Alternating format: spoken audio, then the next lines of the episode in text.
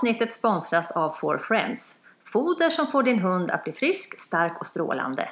forfriends.se Hej Helene! Hej Maria! Idag ska vi prata om någonting riktigt, riktigt, riktigt skoj. Nämligen valpträning. Mm. Du har ju haft ett par valpar eh, de senaste åren faktiskt. Eftersom du har två, två unga hundar som är ganska nära varandra i ålder. Mm. Vad tänker du när du ska börja träna en valp? Du tänker vad, vad jag prioriterar, vad som är viktigt? Ja, typ. Ja. Eh, jag tänker att jag utgår väldigt mycket från valpens personlighet eller den personlighet som jag upplever att den har i början. Jag tycker att det där kan ändras ganska snabbt. Så jag försöker också att se den hund jag har för dagen. Det är väldigt lätt att man liksom sätter en etikett på sin hund, tycker jag. På, speciellt på sin valp, att den är si och så. Och sen är man fast lite grann i den tanken. Och det försöker jag passa mig för, för jag vill se jag tycker det kan ändras väldigt mycket på unga hundar, nästan från dag till dag ibland. Ja. Så jag försöker se den hund jag har för dagen, men man kan ju ändå se vissa genomgående egenskaper. Och då tänker jag lite grann, eh, har jag en, en valp som är lite tuff eller är det en försiktig individ? Eh, har den lätt för aktivitet eller har den lätt att bli passiv? Är den utåtriktad eller väldigt följsam? Och sen försöker jag att redan från början lägga upp träningen så att jag stärker upp de bitar som jag känner att min hund har lite svårt för. Ja. Eh, vad jag också tänker på är att skapa ett eh, brett belöningsintresse. Och då, jag, i den bästa världar så, så har, får jag en hund som gillar alla, alla belöningar. Men det, ofta är det ju några belöningar som man får jobba lite extra för att ja. få till. Ja, det stämmer verkligen. Så, så är det som så att jag har en hund som är väldigt matglad men kanske inte älskar att leka. Då försöker jag stärka upp leken väldigt mycket och tvärtom. Och jag försöker hitta olika sätt Eh, att belöna på så att jag inte blir statisk i mina belöningar. Jag försöker se hur min hund svarar på de här olika belöningarna. Eh, och om den blir väldigt aktiv eller om den kan bli lite avvaktande. Att man inte alltid kanske förutsätter att bara för att man kampar med hunden så kommer det att höja aktivitetsnivån. Eh, eller att bara för att jag ger godisbelöningar så kommer min hund bli lugn. För det är ju inte säkert att det är så alla gånger. Utan det kan ju faktiskt, det är ju ganska individuellt det där. Och också hur jag presenterar dem givetvis. Hur jag presenterar mina godisbelöningar och mina lekbelöningar. Eh, jag, jag tänker på, tycker du att det här är någonting som gäller för alla hundsporter? Eh, är det här starten för oavsett vad du ska träna med hunden längre fram? Mer eller mindre. Eh, det är klart att visst skiljer det sig om jag tänker att satsa på kanske på nosework kontra agility. Alltså klart man, man kanske inte tänker på precis samma sätt. Men jag tycker ändå att det är alltså belöningsintresse vill jag ju ha oavsett eh, eh, gren. Ja. Och lika så att jag försöker att lägga upp träningen utifrån min, min hunds eh, egenskaper och personlighet. Det tror jag också är genomgående i alla grenar. Och sen det som vi har pratat om i, i tidigare poddavsnitt, vardagslydnad. Ja. Eh, jag kan i ärlighetens namn säga att jag inte är någon fena på den biten. Jag borde verkligen bli bättre. Jag tycker faktiskt att jag var bättre förr på det. Jag har blivit sämre. Ja, jag, jag, tror att det är då, det, alltså, jag tror faktiskt att det är ganska vanligt bland oss hundnördar att man tappar det lite i all annan träning. Man Kanske. tränar på så himla mycket saker och man har så himla mycket saker som man vill träna på. Och som, som många kanske tycker också är mycket roligare att träna på. Ja, Alltså de här, alla de här delarna för sport. Så, så jag, jag tror att det är ett ganska vanligt fenomen att man tappar vardagslydnaden vad, lite vad grann. skönt att du säger så. Alltså, behöver man inte känna sig ensam. ja, nej, nej, det tror jag absolut inte att du ska göra. Utan jag tror att det... Men det finns viss förbättringspotential där, absolut. Och det försöker jag tänka på här, speciellt med min, med min yngsta hund som har, precis har fyllt ett år och eh, tillhör de mer utåtriktade eh, individerna. Honom behöver jag verkligen jobba med på, på, Ja. i, i vardagen mycket. Han är nyfiken och ganska impulsiv så, så att eh, ja, jag får skärpa till mig lite där. Nej men det, det är sådana tankar som, som jag har. Och sen eh, ja, lägga mycket tid på grunder. Ja. Eh. Och vad, vad menar du med grunder? Vad tänker du runt Att, det? jag har, att min hund är eh, mottaglig för kommunikation. Alltså att det finns ett engagemang, en vilja att vilja träna med mig. Och att jag kan därifrån skapa vissa grundfärdigheter. Till exempel att på olika sätt kunna ta i och, och springa fort. Att, att bli explosiv. Jag vill gärna hitta, ja då som, som eh, tänker lydnad. Jag vill gärna skapa snabba reaktioner hos min hund. Det innebär inte absolut inte att jag tränar massa tempo och fart med min valp. Men jag vill få den att reagera snabbt på Ja. olika, olika sätt. Ja. Alltså kort mellan tanke och handling. Ja. Eh, och liksom hitta rappa rörelser i det, i det lilla. Om du förstår hur jag tänker. Eh, Du har ju det senaste året haft massor med kurser.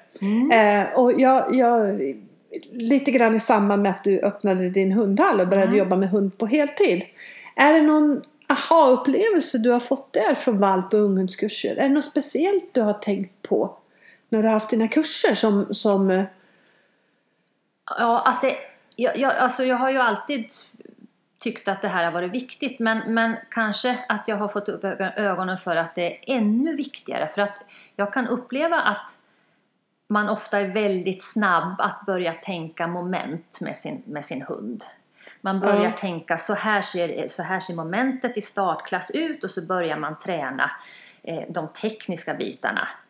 Eh, och sen har man en hund som kanske inte riktigt, riktigt är mogen för det. För att det finns mycket annat som, som lockar. Det, den kanske inte har fått tillräckligt högt belöningsintresse så att den klarar av att välja bort alla störningar som finns. Eh, den, den kanske inte orkar vara fokuserad så länge så att den, den kan gå eh, följsamheten i startklass utan, utan ja, man får lite slaskträning på köpet. Och där tänker jag att, att inte ha för bråttom utan verkligen prioritera det här. Det tycker jag har blivit ännu mer påtagligt ju mer valp och unghundskurser eh, jag har haft. Ja. Vad, vad tycker du att de har svårast för deltagarna då? Förutom det här som du nämnde. Eh, att leka med sin hund Ja. tycker jag många, Att man inte alla, vill eller att man inte kan eller att man, behöver inte träna sig på det riktigt- mer eller? Att, ja, att man kanske inte riktigt vet hur man ska göra. Och att leken blir någonting som man gör lite, man drar fram en leksak och så drar man lite i den och så kanske man står och pratar lite med sin träningskompis samtidigt och sen tar man loss den eh, och sen kör man igen. Ja. Eh, istället för att liksom skapa ett samarbete i leken. Eh, att det här är någonting vi gör tillsammans, precis som, som vilket moment som helst. Att, att även i leken så krävs det att, att både hunden och jag är 100% engagerade. Ja. Eh, och, och kanske även eh, Även det här att man leker Om man nu börjar leka, att man leker kanske lite för länge med, med valpen så att den hinner tröttna. Så att det blir den som avbryter leken. ja, just det. Det, det kan vara en annan aspekt av det. Ja. Ehm, Så, så det är väl sånt som jag har, försöker eh, tänka på att, att eh, ta upp på, på valp och unghundskurserna. Ja. Eh, leken tycker jag är oerhört viktigt. Och även eh, den sociala leken. Alltså där kan jag ju uppleva att, att hund, man, viss- vissa hundar har lätt att bjuda in socialt utan att det finns direkt någon leksak. Andra har svårare för det. Och där får man ju hitta ett sätt. Man kanske inte ska tävlingsbelöna eller socialbelöna alla hundar på samma sätt. Alla kanske inte ska släppas upp och hoppa eller snurra utan vissa kanske bara ska få en liten lugnare bekräftelse, vara kvar vid sidan och Ja. fortsätta jobba. Det finns ju liksom ingen mall för att så här, så här ska en tävlingsbelöning se ut utan här känner jag att här får man verkligen kolla vilken typ av hund har jag. Vad mår den bäst av? Jag kanske tycker att det är jättehäftigt att släppa upp min hund men hunden kanske inte tycker att det är någon hit. Ja, men då får jag väl anpassa mig efter vad som passar min hund bäst. Ja. Är det, du har ju haft två valpar, valpar ganska nyligen. Är det någonting som eh, du skulle ha gjort annorlunda med någon av dem? Eh, Med de erfarenheterna som du har så här långt? Mm. Eh, det är det. Eh, Smiley då som är två och ett halvt år och eh, från början eh, visade sig ha ganska mycket aj, alltså att, att han har lätt att gå in i valltänk och låsningar. Eh, honom tränade jag eh, i början på att låta honom, när jag, jag kunde kasta iväg en boll till exempel, eller en leksak. Och sen så höll jag honom lite i halsbandet så han fick dra framåt innan jag släppte iväg. För jag tänkte att jag ville liksom tagga honom där. Att han fick hänga lite på bogarna och sen gå iväg. Ja. Eh, det skulle jag inte ha gjort om jag hade förstått att det här var inget som gynnade hans, eh, hans eh, sätt att tänka som individ. Just det. Eh, så där eh, hade jag tänkt annorlunda. Det finns säkert många andra saker som jag skulle ha gjort annorlunda med honom också, men jag kan på rak arm inte komma på något. Eh, med Swish, då min, min yngre eh, border collie som är precis har fyllt ett år. Eh, honom, eh, på tal om vardagslydnad, så hade jag lagt ännu mera tid på det här att kunna eh, koppla av vid sidan utan att det händer någonting, alltså Ja. i pausläge. Eh, jag hade jobbat ännu mera på att komma tillbaka med leksak till mig till exempel i träningen. Precis, men det har du ju börjat med nu. Ja, det har jag gjort. Det har jag börjat med för länge sedan. Men, men eh, vi kan ju berätta att Maria har drillat mig lite här innan, innan den här podden. Jag har fått många läxor här att, att jobba med. Så det ska vi ta tag i och få ordning på. Eh, för det är ju också en sån här grej som, som det, det speglar ju en del av samarbetet tycker jag. Det är ju inte bara det att visst jag kan få in min hund om jag tjatar på honom men det är inte det som är grejen utan jag vill ju att min hund själv ska bjuda komma- in, ja. komma in och bjuda Ja. upp till fortsatt lek. Och är det som så att man tycker att det är roligare att springa omkring och slå sig själv i huvudet eller, eller springa omkring och, och, och med leksaken hängande efter varv efter varv. Då är det ju någonting som, som en liten bugg vi har i vårt samarbete. Ja, en liten bugg skulle jag också säga. Ja, Ja. Som jag känner att den ska vi, den ska vi ta bort. Den ska Ja. vi få ordning på. Det tror jag är ganska smart faktiskt. Hur, hur tänker du med, med, med, du har ju också en, en, en valp här nu som du ska sätta igång med. Hur, hur tänker du kring träningen med henne? Jag tänker nog, precis som vi pratade lite om i förra avsnittet, att jag kommer att jobba mycket på det här med engagemang och, och, och lära hunden att vara följsam och hänga på mig hela tiden. Eh, förutom vardagslydnad, men det, det, sa- det pratade vi ju lite om Yes. förra gången. För det, det, kom, det kommer jag lägga ner mycket, eller kanske inte jättemycket, men ett väldigt strukturerat arbete på. För det vet jag att det kommer jag få tillbaka sen i, i träningen många gånger om. Men en annan sak som jag tänker också att jag kommer att tänka till lite extra runt det här med helhet. För jag upplever på hundar som mallar till exempel som ofta har ett jädra stort intresse för belöningarna. Lätt hamnar i frustration om man gör, i träningen gör dem allt för belöningsberoende. Så det är någonting som jag kommer att tänka på. Att, att, jag kommer att, att jag inte kommer att bygga in några fasta belöningspunkter. Mm. Jag tror faktiskt redan nu att jag är ganska bra på det. Men för den här typen av hund så tänker jag nog att jag behöver bli ännu bättre på det.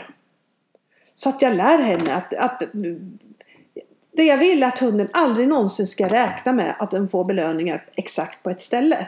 Hunden ska aldrig ha den känslan att här brukar jag alltid få min belöning. Den känslan vill jag inte ha hos hunden. Nej. Så det kommer jag jobba stenhårt med Ja. faktiskt. Kommer du tänka helhet eh, snabbare med den här valpen än vad du har gjort med tidigare valpar? Eller har du gjort så även med, med, med Oj och dina tidigare? Eh, ja, jag har nog, fast jag har, jag har nog tänkt helhet. Men jag har nog jag har inte varit så. Jag har varit ganska vaksam med belöningarna. Men den här gången ska jag vara ännu mer vaksam. Och, och om man ska vara mer konkret när jag säger det. Så betyder det att jag kommer att hoppa över en del belöningar. Mm. Variera belöningar, hoppa över belöningar. Och ganska ofta på ett tidigt stadium istället för att belöna efter en del. för i början så handlar det om delar, inte om Mm. moment. Så, så, så, så kommer jag och eh, belöna en transport på väg. Och en transport för en valp, det skulle ju vara att den kanske den gör en handtarget och sen backar jag. Då är backande transporten. transport. Och där kommer belöningen ibland. Ibland kommer den i handen. Ibland kommer en social belöning. Ibland kommer det inget alls. Ibland kommer en baklängesmarsch. Kan, du ge exempel på en liten valpkedja som, som du gör med, med, med din Elsa? En liten, en liten kort. Hur skulle det kunna se ut? Ett, jag tänker så här att jag funderar på vad jag ska göra innan jag startar. Det är liksom lite, lite Du har nummer en ett. plan. Ja, om jag behöver värma upp eller något sånt där. Sen sätter jag nästan ut alltid ut markeringar. Bara för att jag vet eh, vart jag ska gå. För det är ju en svårighet i sig när man inte själv får bestämma vart man ska gå och inte hur långt man ska gå. Utan om jag har fasta punkter så kommer det att säga mycket, mycket mer om hur, här, hur den här kedjan går. Så för de allra första små banorna kan vara kanske tre koner som sitter i en triangel och så kanske tre meter varje, mellan varje kon. Och så vid varje kon bestämmer jag någonting som valpen ska göra.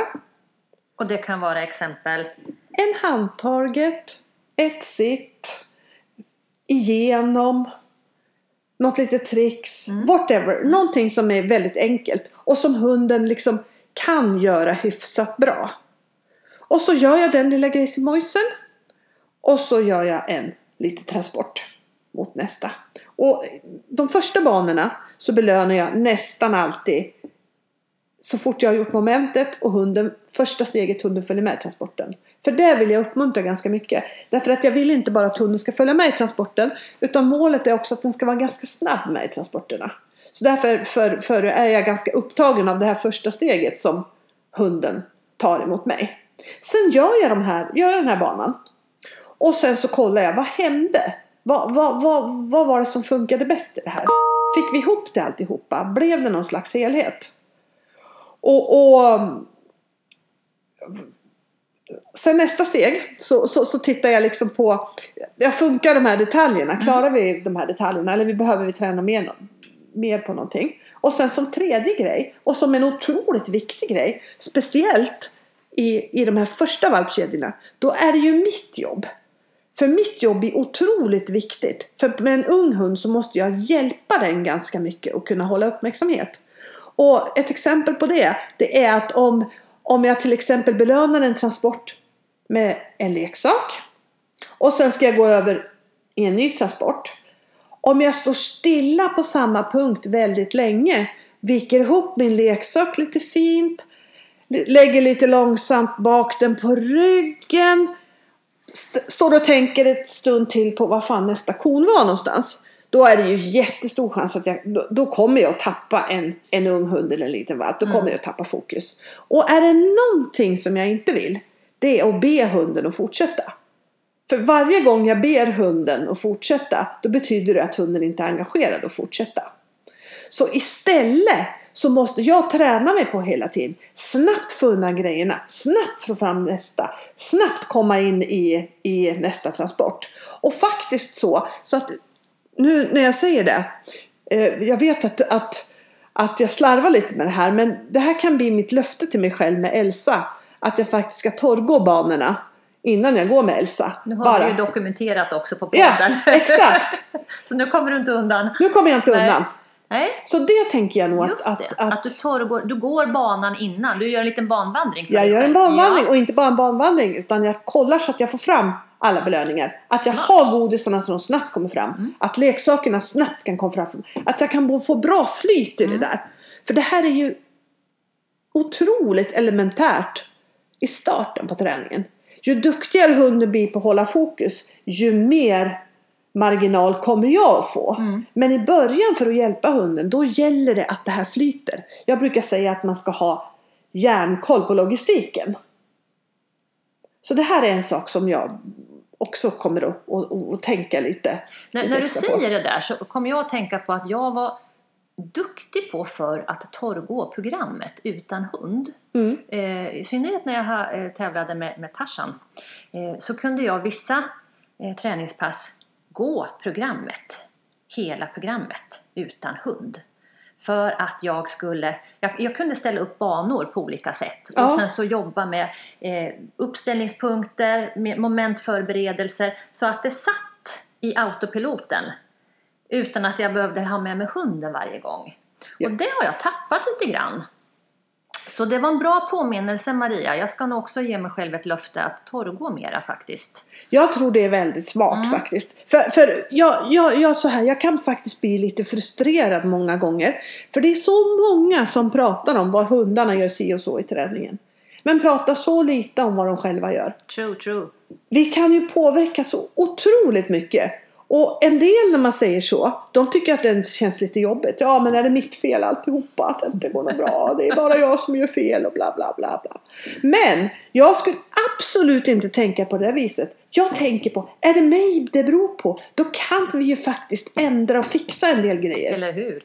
Det är, jag tycker att det finns något otroligt optimistiskt i det. Att man försöker tänka, vad gör jag och hur är jag som tränare? Vad kan jag göra för att det ska bli rätt? E- exakt, exakt.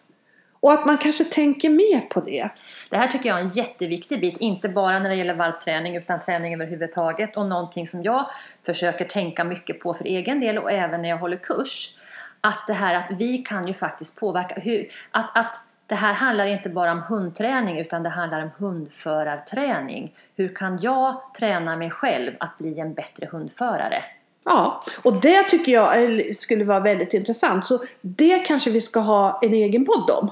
Bra idé, Och ge lite konkreta idéer och förslag på det. absolut. Och som du vet, jag älskar konkreta Mm, jag vet idéer. det, jag vet det. Ja. jag är helt allergisk mot flummiga saker. Så jag hoppas att inte jag har sagt så många flummiga saker. I så fall får ni säga till så ska jag förklara mig bättre. För det är någonting som jag verkligen... eh, Ja, men det är bra. Jag vill att det ska vara konkret Ja, det allting. är bra. Men, det, det, blir men lättare då. det får bli en podd Ja, om det ja. längre fram. Absolut. Helt klart. En sak som jag själv kan uppleva är lite svårt ibland eh, är att eh, man ligger kvar, eller jag ligger gärna kvar lite för länge eh, på samma nivå. Jag tänker träningen med den unga hunden. Att man, man jag blir lite, lite bekväm kanske man kan säga. Det här, det här kan vi nu, det här, det här har hunden lärt sig och så ligger man kvar på samma svårighetsnivå Mm. lite för länge eh, istället för att gå vidare. Ja, just det. Och lite, lite olika olika situationer, men hur tänker du där? Ja, jag, jag tänker så här att det precis det du beskriver är kanske ett av de vanligaste problemen idag faktiskt. Förr i tiden så fick man säga till alla gå inte Nej, så fort fram. precis. Gå inte så fort fram. Nej. Men idag är det nästan är det mer åt det hållet att man behöver säga att du, du må gå framåt. Och jag tror att man ska gå framåt hela tiden med alla hundar oavsett ålder. Och, och, och ett sätt att göra det på det är att faktiskt tänka att har hunden gjort rätt två gånger på raken så ska du ändra på någonting. Alltid. Du kan göra det svårare. Och svårare då som menar jag pytte, pyttelite svårare. Helst så hunden knappt märker det. Utan eh, pratar vi om till exempel omvänt lockande då så kanske du gör omvänt lockande två sekunder. Ja men då, då gör du nästa är två och en halv, tre sekunder. Ett litet, litet kliv framåt. Alternativet är ju att man lägger till en, någon slags störning för att ta det vidare. Men att man hela tiden ändrar på någonting när hunden gör rätt. För då kommer du få mycket mer tryck i inlärningen. Och du kommer inte få de här fasta belöningspunkterna. Och, och anledningen till att man inte vill ha de här fasta belöningspunkterna det är ju att det är där man ofta får problem på tävling sen. Om hunden liksom har ställen där den vet att den alltid får belöning. Och där får man lätt osäkerhet hos lite lugnare hundar, frustration hos lite hetare hundar. Mm. Så, så det här kan man komma ifrån genom att hela tiden ta ett litet kliv. Men, och, och, och plus att om du hela tiden tar så små kliv så, så minskar det också risken att du, att du fastnar.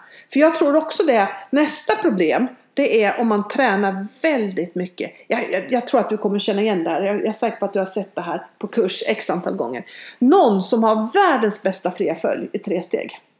Mm. Men den kommer aldrig vidare. Utan den håller på med de här tre stegen. Och så plötsligt kommer man på. Nej men gud, hunden är ett och ett halvt år. Tävling. In med anmälan. Tre veckor kvar. Vi ska ha ett helt fritt följ. Och någonstans där så tappar man ju sitt fritt fritt följ. För där får vi ju det här kolossala klivet. Det är som man klättrar upp för en stege. Hoppar du plötsligt över fem steg så är det ju stor chans att du kommer trilla ner från den här stegen igen. Sant. Och det är precis det som händer. Och, och mycket kanske tack vare att man har jobbat så mycket och varit så noggrant. Noggranna med de här tre stegen och varit så rädd om dem också eftersom de just är så bra. Precis. Så, så det är lätt att falla på sitt eget grepp Mm. där. Och, och just det också att man upplever jag kanske ligger kvar på samma eh, nivå med sina hjälper för länge. Man, man ligger kvar Exakt. exakt på samma Ja. hjälpnivå. Och sen som du säger så kommer man på att hunden börjar närma sig ett och ett halvt, två års ålder eller, eller att man har anmält till tävling eller borde anmäla till tävling och kommer på att nej men då kan jag ju inte gå med handen här. Och så plockar man bort handen och så börjar man pendla. Och det är klart att då faller det. Ja. Så att man har en plan för hur man väldigt successivt ska, om man nu väljer att jobba med hjälper, eh, vilket många gör, inte alla. Men gör man det, att man har en plan för hur man väldigt successivt kan jobba bort hjälpen. Och, och ha Precis. kvar samma fina utförande.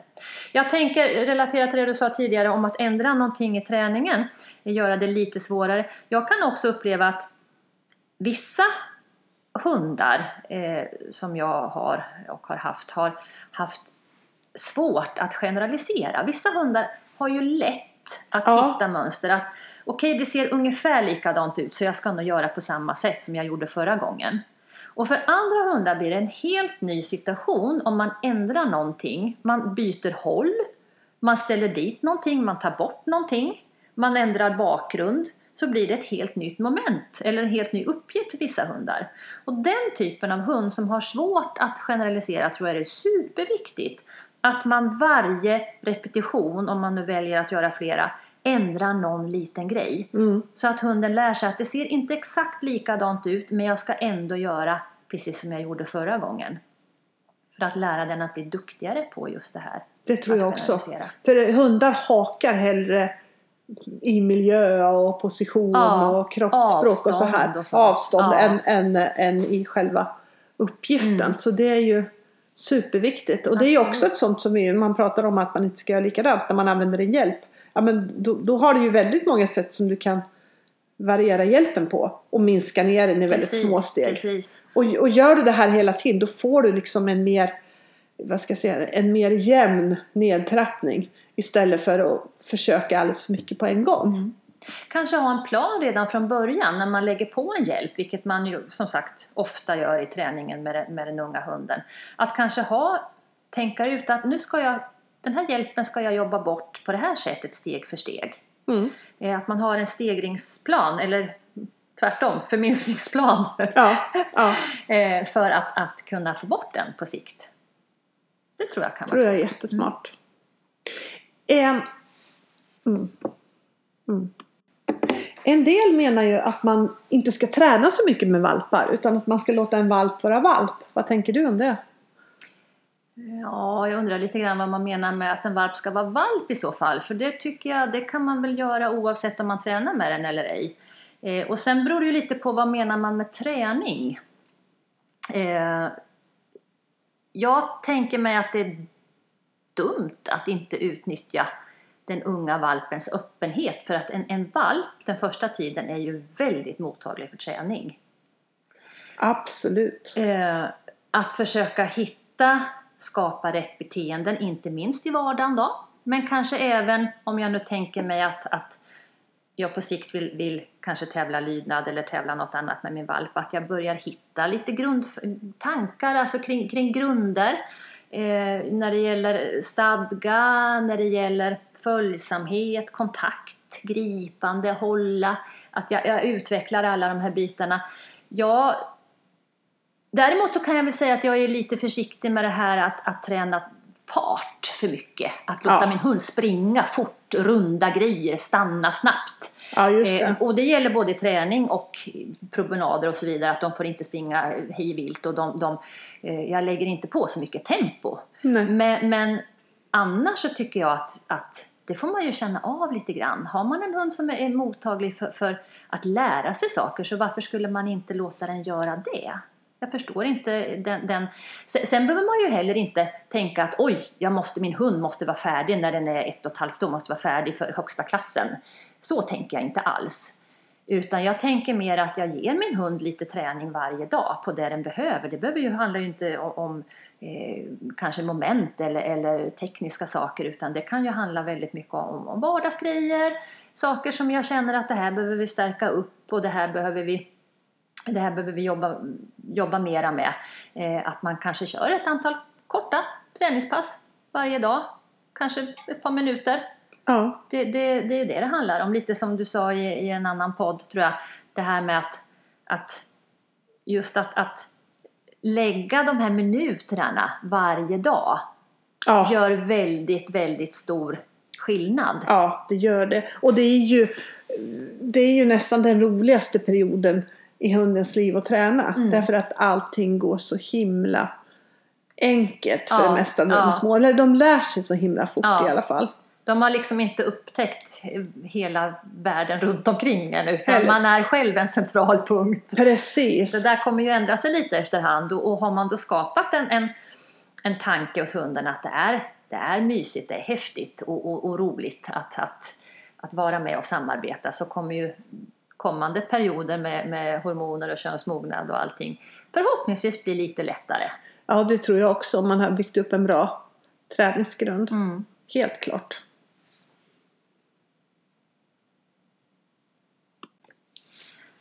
Någonting annat när det gäller valpar och unga hundar som, som jag ofta hör det är ju det här att, att många känner en, en viss press eller stress över att kullsyskonen har, har kommit mycket längre och, och, och andra träningskompisens hund som är i samma ålder kan mycket mer och man känner någon slags träningsprestationsångest eh, för att man själv inte upplever att man har kommit så långt. Jag vet inte om du, du har säkert hört det också?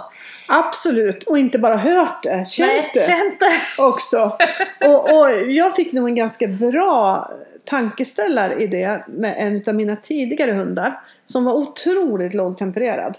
Och mina kompisar sa att du har nog läst fel i annonsen för det där är nog ingen working kelpie, det är en walking kelpie. Så jag, han, han hade, in- den hunden hade inte lätt för någonting. Man fick träna fram allting. Samtidigt så hade en klubbkompis också köpt en working kelpie-valp. Och vi tränade tillsammans och för henne så gick ju allting jättebra. Den hunden hade väldigt mycket med sig naturligt. Den var snabb, den var flashig och den gjorde allting.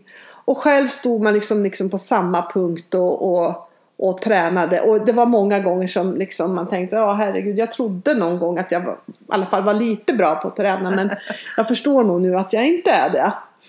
Men det visade ju sig sen i slutändan när vi hade tränat. Det tog ganska lång tid innan det blev någonting av den här lite lågtempererade hunden. Eh, Och jag kunde säga att det, liksom, det vände kanske när han var tre år. Och då, då, då hade jag ändå varit ganska flitig att träna. Och, och kämpade på trots att det var lite motvind. Och, och, och, och då fick jag plötsligt tillbaka allting. Därför att jag hade fått lärt hunden varenda minsta lilla del. Det betyder ju också att det var väldigt lätt att gå tillbaka och fixa och dona med det här. Plus att den här lågtempererade hunden var fruktansvärt stabil.